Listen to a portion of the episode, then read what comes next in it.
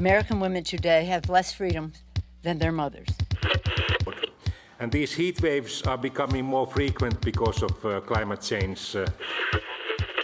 Inflation in the euro area is undesirably high, and this is a great challenge. Every image is a new discovery, and each will give humanity a view of the universe that we've never seen before. Бойовий досвід і може приєднатися до оборони України, повинен негайно прибути до відповідних центрів комплектації. We have had wars with Russia, and we don't want that kind of future for ourselves, for our children. Hasta la vista, baby!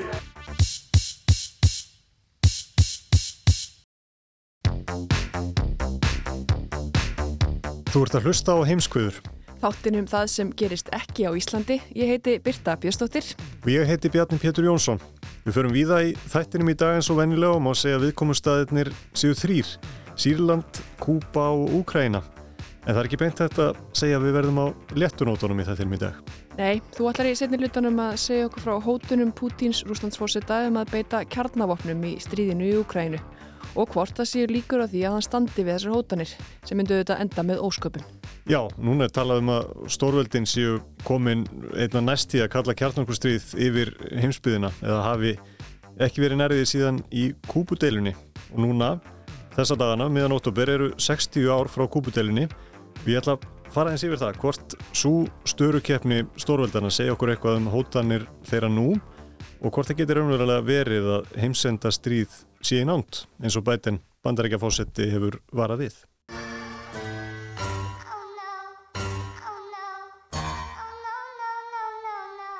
En eins og við heyrum er fleira en mögulegt kjarnorkustrið á daska hjá okkur í dag. Við ætlum að kíkja aðeins á TikTok.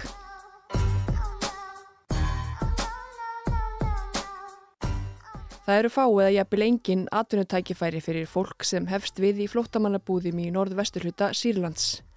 En fólk hefur fundið leið til þess að afla tekna í gegnum samfélagsmiðlinn TikTok. Margir notendur miðilsins hafa tekið eftir sírlenskum fjölskyldum byggja um gafir í beinu streymi á TikTok sem þau geta svo leist út í peningum. En Breskaríkisútvarpið BBC afhjúpaði á dögunum að aðeins lítill hluti fjárhæðarinnar skila sér til fólksins. TikTok tekur nefnilega um 70% af því sem fólk telur sér vera að gefa til flótafólksins. Ólu Ragnarstóttir rætti við einna fréttamannum BBC sem vörpuðu ljósi á þessa svika millu samfélagsmiðilsins. There's a new trend on TikTok. Children in camps in Syria begging for hours on end. They're asking for TikTok gifts that can be withdrawn as real money. But that money isn't all going to them. Svona hljómar upphaf umfjöllunar BBC, umfjöllunar sem kom flestum í opna sköldu, líka þeim sem unnu aðinni. My name is Mamdou Akbik. Uh, I'm a journalist at the BBC. Uh, now I'm uh, doing attachment as assistant editor in investigation unit in BBC Arabic. Mamdou Akbik er aðstóðarítstjóri í rannsóknarteimi BBC Arabic. Það er svo hluti frettastofunar sem gerir frettir og frettaskeringar á arabísku. Hann er eitt þeirra sem vanna þessari viðamiklu umfjöllun. Ég var forvitin að vita hvernig þessi stóra frett kom til þeirra. Mamdú segir að þetta hafa allt saman byrjað með því að samstarfskona hans, Hanna Gjelbart, sem er í upplýsingaóraði teimi BBC, fekk skilabóð á Twitter.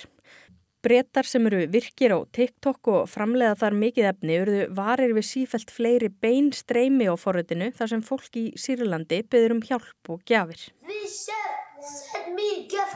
Send me gift! Send me yes! Me yes!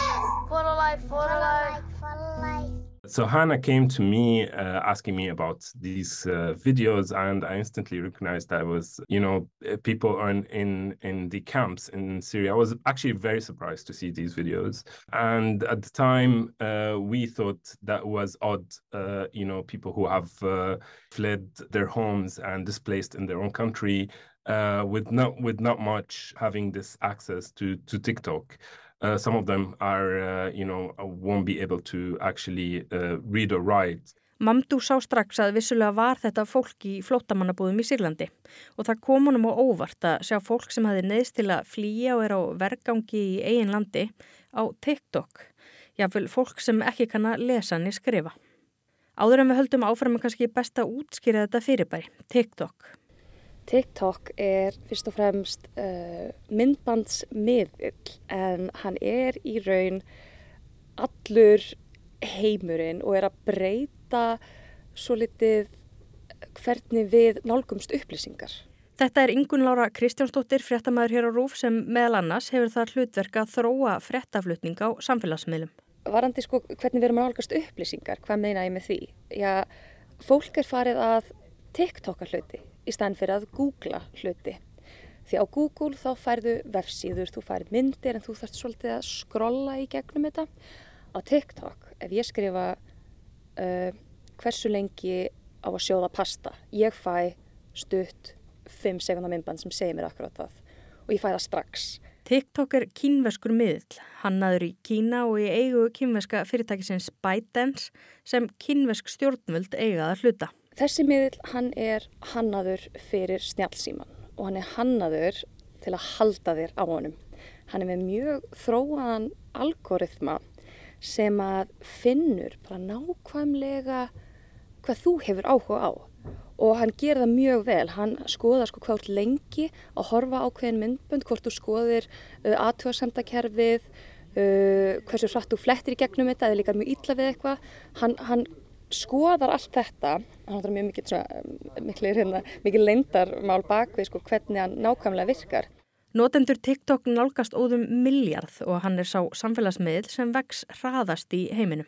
Þarna er alltaf ógeðslegasta sem til er í heiminum hrikalegt, einelti við sjáum uh, morð þú veist, það hef, er tekið út en við sjáum allt ógiðið dæltan neginn á sama tíma, alltaf frábæra þannig að myndar fólk sambönd og þarna fáum við bara að fylgjast með lífi fólk sem okkur þykir væntum og, og einmitt nýjustu fréttinnar því að fréttameilur eru komnir ángað inn og það er það sem ég meina með TikTok er allur heimurinn En aftur að umfjöldun BBC, eftir að rannsókninni vatt fram komustu eða því að fólkið fekk aðstóð frá svo kalluðum milligöngumönnum.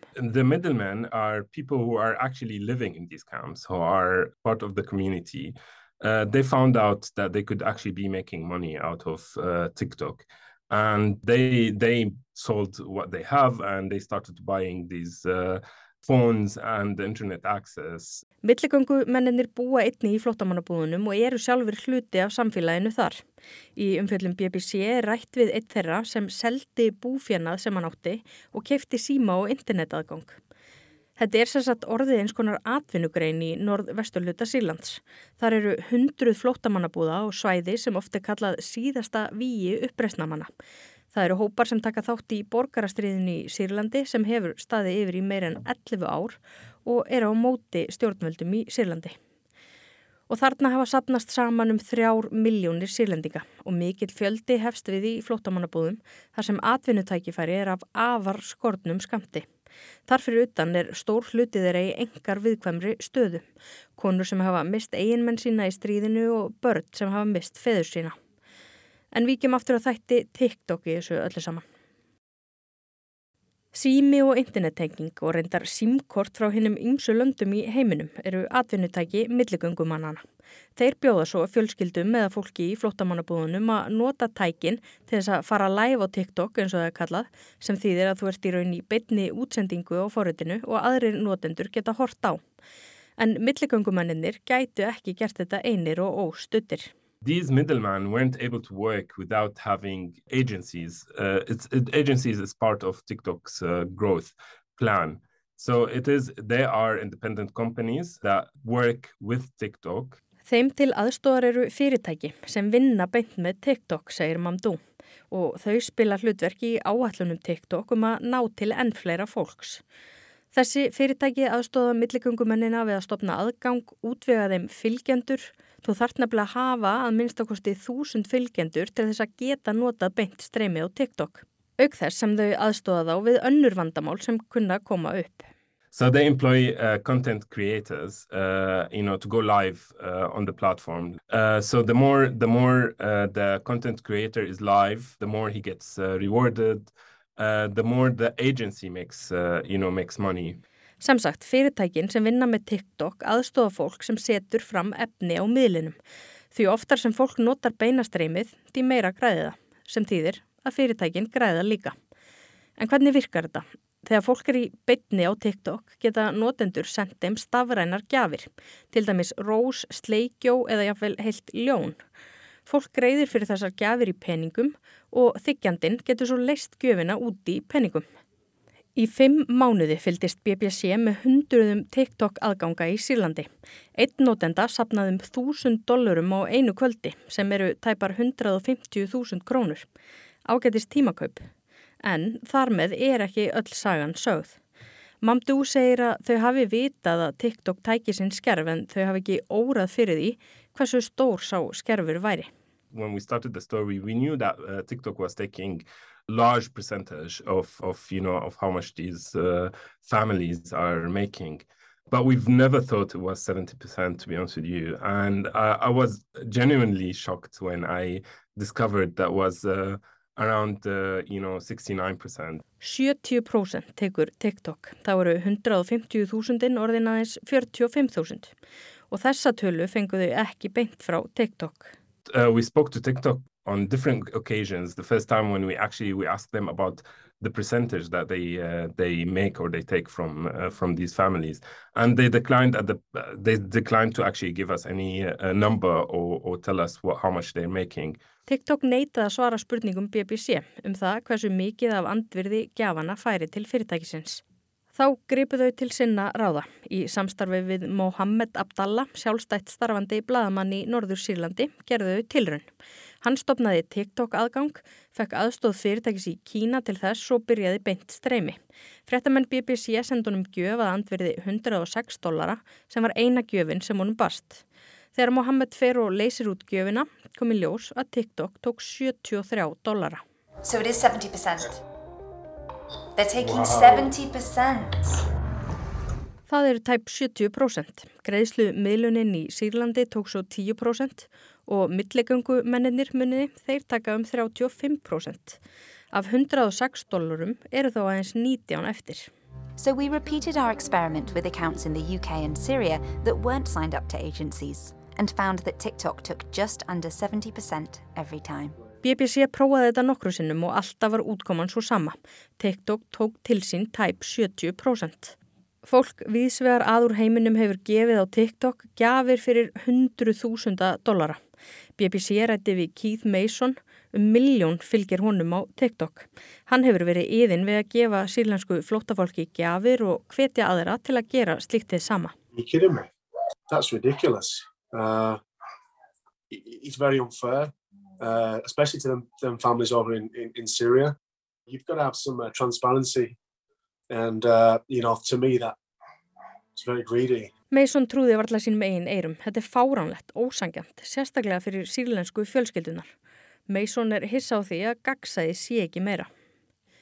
Þegar BBC hefði komist að þessari niðurstöðu, hefðu þau aftur samband við TikTok. Þá lísti TikTok miklum áhyggjum, segir Mamdú. Sögust ætla breyðast skjótt við og efni eins og þetta sé bannað á miðlinum. Later when we told them about our findings, they they said that uh, they are deeply concerned and they have taken prompt uh, actions.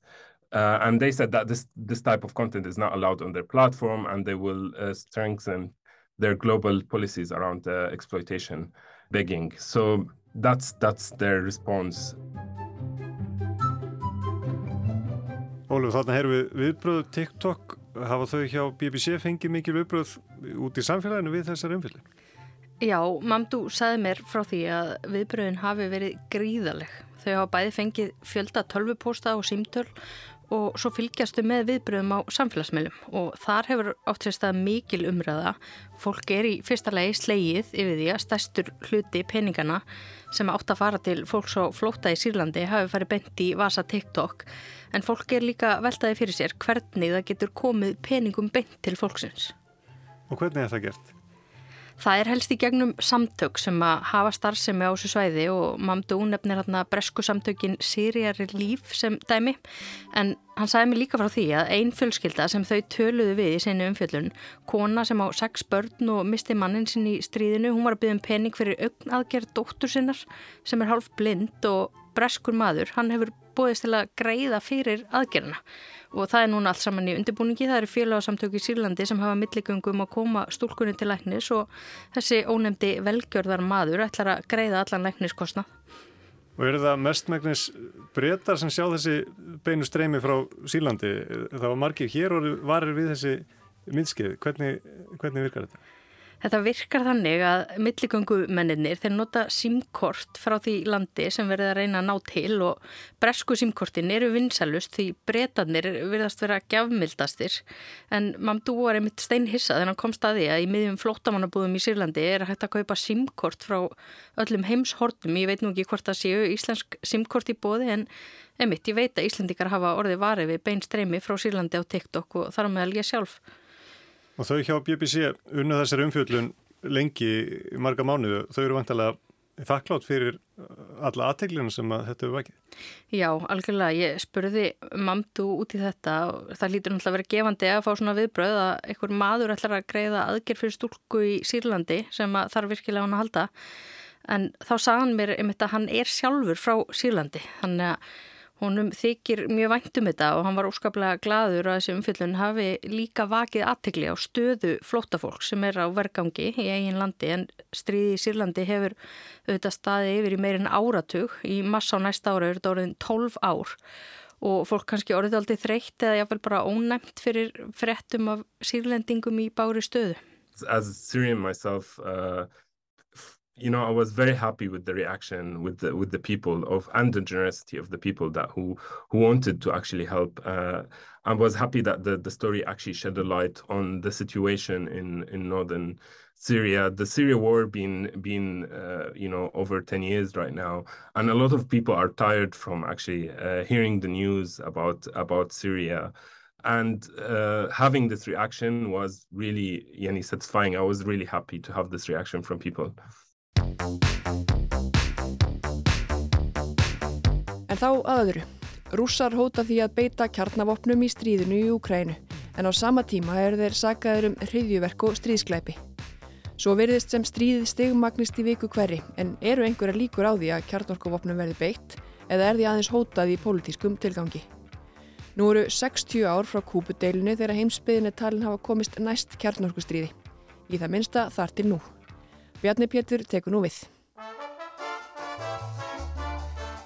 Í oktober 1962 fyrir sléttum 60 árum stóð Kúpudeilan sem hæst, störukeppni Stórveldana, Bandaríkjana og Sovjetríkjana sem stóð í 13 daga, 16. til 29. oktober og er almennt talið að þá hafi verið þarna mest hægt á að kjarnorkuvapnum verði beitt síðan í setni heimstyrjöld. Deilan var hápunktur kaldastriðsins og hluti výbúnaðar kapplöps Stórveldana. Bandrækjumenn höfðu komið skotpöllum og flaugum sem gáttu borið kjarnorkuvapn fyrir í Tyrklandi. Sovjetmenn töldu sér ógnað og fluttu flaugar til Kúpu. Þarna höfðu stórveldin ekki komið sér upp langdrægum flaugum sem hægt var að skjóta heimsalva á milli og því skipti staðsetning þeirra mestu. Deilan hóst fyrir alvöru þegar bandrækjumenn komist á snóðir um leinimakk sovjetmanna og litu svo á að flaugarnar á Kúpu ógnuðu þjóðaröryggi bandrækjana. Grípum niður í þekktaræðu John F. Kennedy bandaríkjafósita þar sem hann segir að liti verði á eldflugaskot frá Kúpu sem árás á bandaríkin og þeim verði svarað af hörku. It shall be the policy of this nation to regard any nuclear missile launched from Cuba against any nation in the Western Hemisphere as an attack by the Soviet Union on the United States, requiring a full retaliatory response upon the Soviet Union. Kennedy setti hafnbann á Kúpu 24. oktober 1962 og gaf út að árásirði gerð á Sovjetríkinni ef brotið virði gegn banninu. Þarna áttu Sovjetríkin og Kúpa í miklum viðskiptum og þegar sovjerski flutningaskipaflotti nálgæðist Kúpu beigð heimsbyðin með öndina í hálsinum eftir því sem gerðist næst. Það leit út fyrir að þriðja heimstyrjöldin var um það byrjað hefjast en sovjetmenn stöfuðu flotan á síðustu stundu og ákvaða að láta ekki reyna á kjark eða fíldirsku Kennedys. Talið að nokkrum sinnum hafi bæði bandarækjumenn og sovjetmenn komist nærrið því að hefja kjarnorkustyrjöld í oktober 1962 en hættunum var afstýrt fyrir lok oktobermánadar þegar Nikita Khrushchev, leiðtói Sovjetríkjana, lísti því yfir að flaugarnar yrðu fjallæðar og þessari stuttu en stór hættulegu störu keppni var að fullu lokið aðeins nokkrum vikum eftir að hún hófst. Núna þegar 60 ári eru liðin frá kúpudelunni og hótanir um beitingu kjarnorkuvopna ganga á vikslögna strísins í Ukrænum er óhjákvæmilegt að líta til líkinda með þessum deilum. Í báðum tilvikum vofir yfir kjarnorku ógn þó hún hafi líklega verið mjög meiri og áþreifanlegri í kúpudelunni. Það má færa rauk fyrir því að báðar hafi hafist á svipaðan hátt þegar annað stórveldið freystaði þess að koma vopnabúnaði fyrir í nágrannlandi hins. Og í báðum tilvikum var innrás reynd til að breyðast við. Bandaríkinn gerðu missefnaði innrás í Svínaflóa 1961 og rússar riðust inn í Ukrænu í februar. Atburðarás sem ekki sér fyrir endan á, en fæstir sjá rússa hagnast nokkuð á innrásinni sem bendir til þess að hún gæti á endanum reynst heldur missefnuð. Hersveiti rússa hafi verið á undanhaldi síðustu vikur eftir stórsókn Ukrænu hers í austurhlutalansins í september. Nokkur óvisæður um framhaldið nú þegar vetur gengur í garð, hvort ukrænskar hersveitir herði sóknina, eða rússar sæki fram að nýju og nýtir sér kuldan eins og þeir virðast ætla að gera með árásum á orku innviði sem hafa valdið viðtæku ramasleysi og ukrænumenn búa sig undir erfiðan vetur. Þessar árásir kallaði Úrsula von der Leyen, frangatastjóri Evrópusambansins bæði hriðjúverk og stríðskleipi. Targeted attacks on civilian infrastructure with the clear aim to cut off men, women, children of water, electricity and heating With the winter coming, these are acts of pure terror. Í byrjun mánadarins varaði Joe Biden bandarækja fósetti við því að kjarnorku váinn, hættan á að kjarnorku vopnum verði beitt í Ukrænustríðinu, sé orðin meiri nú en í kúpudelunni. Jens Stoltenberg, framkvæmtastjóri Allansáfsbandalagsins, lísti þeim alvarlegu afleðingum sem það hefði á fundi varnamálar á þeirra NATO-ríkjana í Brussel. Að þeim fundi loknum var kynntur ennfrekari stuðningur NATO við Ukrænuherr en þetta var eftir að rússar gerðu árósir á tugi úkrænska borga í hendarskinni fyrir sprenginguna og brúni sem tengir Rúsland og Krímskaga. Þar varð stigmögnun í stríðinu sem NATO-ríkin hafa gert hvaðu geta til að forða en Stoltenberg sáða viðbröðin yrðu skýr og hörð ef gripið yrði til kjarnorku vopna af nokkuru tægi. Það verður þó erfitt að hugsa sér þær aðstæður að ríki Atlasafsbandalagsins færu að beita kjarnarkuvapnu. Circumstances in which uh, NATO might have to use nuclear weapons are extremely remote.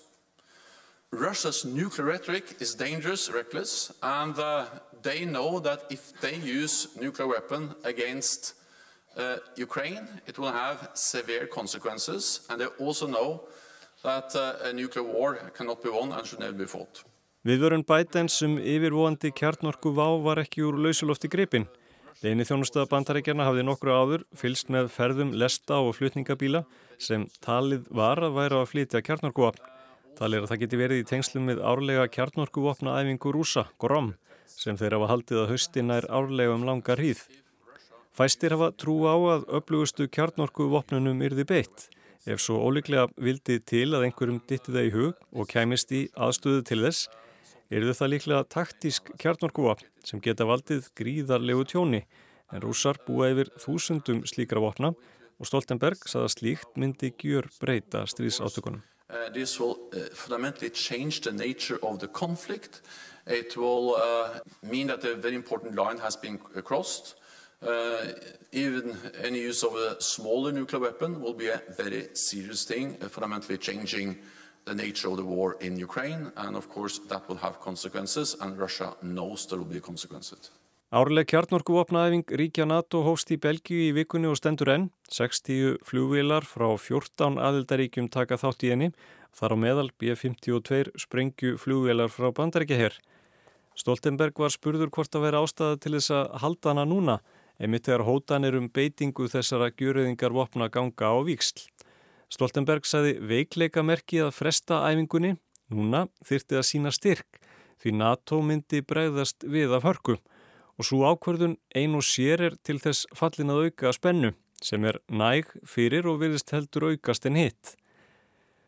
Talið að margir af helstu samherjum Pútins hafi kvattan til þess nánast frá byrjun að beita kjarnorkuvopnum í stríðinu.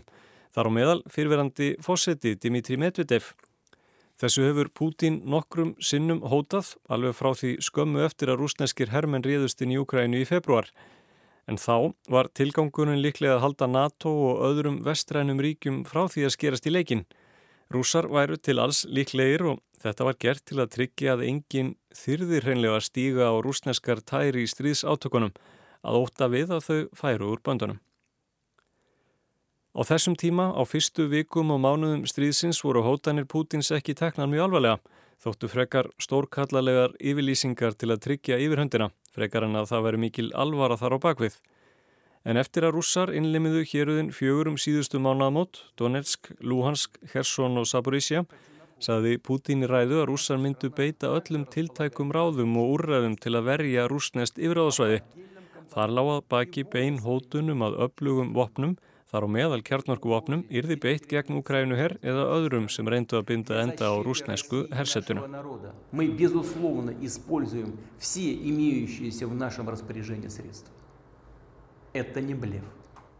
Og þetta er ekkert blöff, saði Pútin þarna síðast. Rúsland, sjálfstæði þess og frelsi verði varið með öllum þeim vopnum sem rússar búi yfir.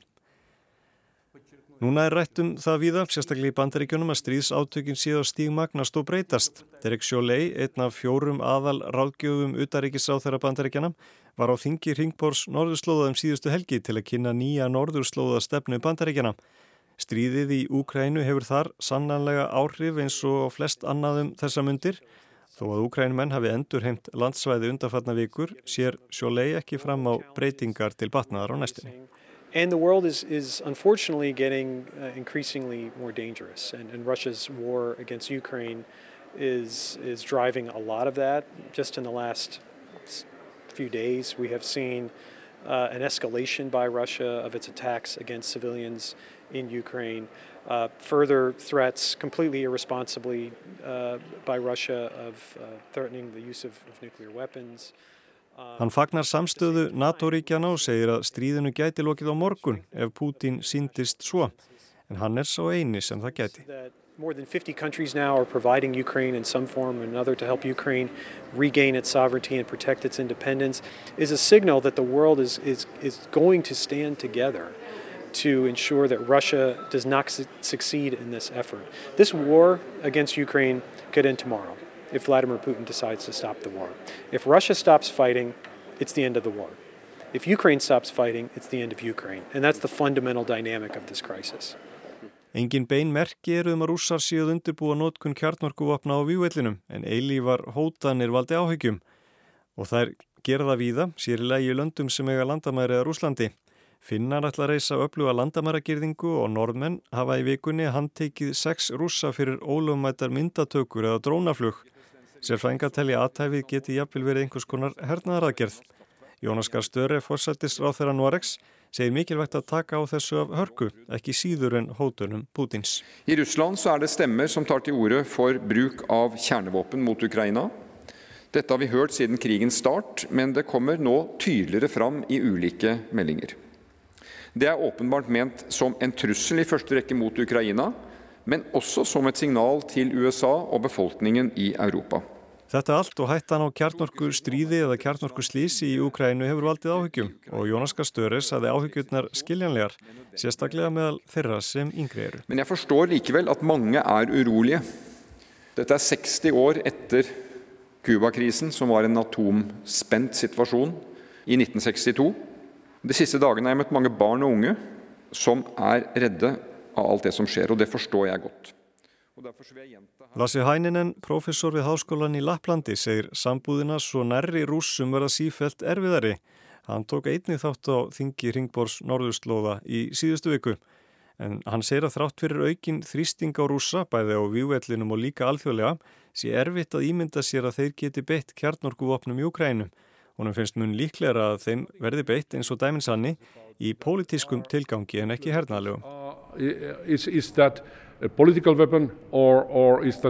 hernaðlegum. Heimskviður rættu við hæninen í vikunni en hann segir að reglulega hafi verið gripið til hótana um að beita kjarnorkuvopnum síðustu áratíu en líklega hafi sjaldan verið mikil alvara þar á bakvið. Í tilfelli Ukrænustrísins yrðu viðbröð alþjóðarsamfélagsins svo hörð að rússar yrðu að vera komnir með bakið upp að vegg áður en þeir gripu til þess háttar örþri var áða. So that in a way like the last chance because then the reaction by the international community, all, all the, the, the uh, other nuclear weapon states, that would be very strong. Uh, because it's simply forbidden. You don't do that. Þrátt fyrir þegjandi samkómulagum að beita ekki kjarnorkuvapnum er engin sáttmáli í gildi um bann við beitingu þeirra. Árið 2017, þegar stjórnvöld í Norður Kóru höfðu í hótunum, var kjarnorkusáttmáli saminuðu þjóðana samþyktur af 122 ríkjum saminuðu þjóðana en öll stærstu kjarnorkuveldin höfnuðanum. Það er því tæknilega séð ekki brot á alþjóðalögum að varpa kjarnorkusprengju, sér í lagi ef það er á landsvæði sem ríki lítur á sem hluta af sínulandi eins og héruðin fjögur sem rússar innlimiðu. Hæninen á þó ekki vona því að svo verði, sérstaklega vóta við hver viðbröðin yrðu. I'm almost for sure that they realize that. And that is one reason more for them to think very carefully before they will do that. And, and I, it might be even the reason uh, for them uh, to, to, I mean, not to do that. Because I mean, it's, it's, it's give, in a way, it gives, it gives a permission for others to react. Hann segir að Bandaríkin og NATO hafi eftir að stríði bröst út reynd eftir fremsta megni að koma í veg fyrir að það stið magnist og vilja alls ekki taka beinan þátt í því. And, and, and uh, several European countries because they have sent supplies there, military supplies. So by that way they, it's a proxy war from their side but, but then there is however difference to supporting proxy war and then to be real party of a war. It's big difference. Then you, you turn the, you, you cross the red line.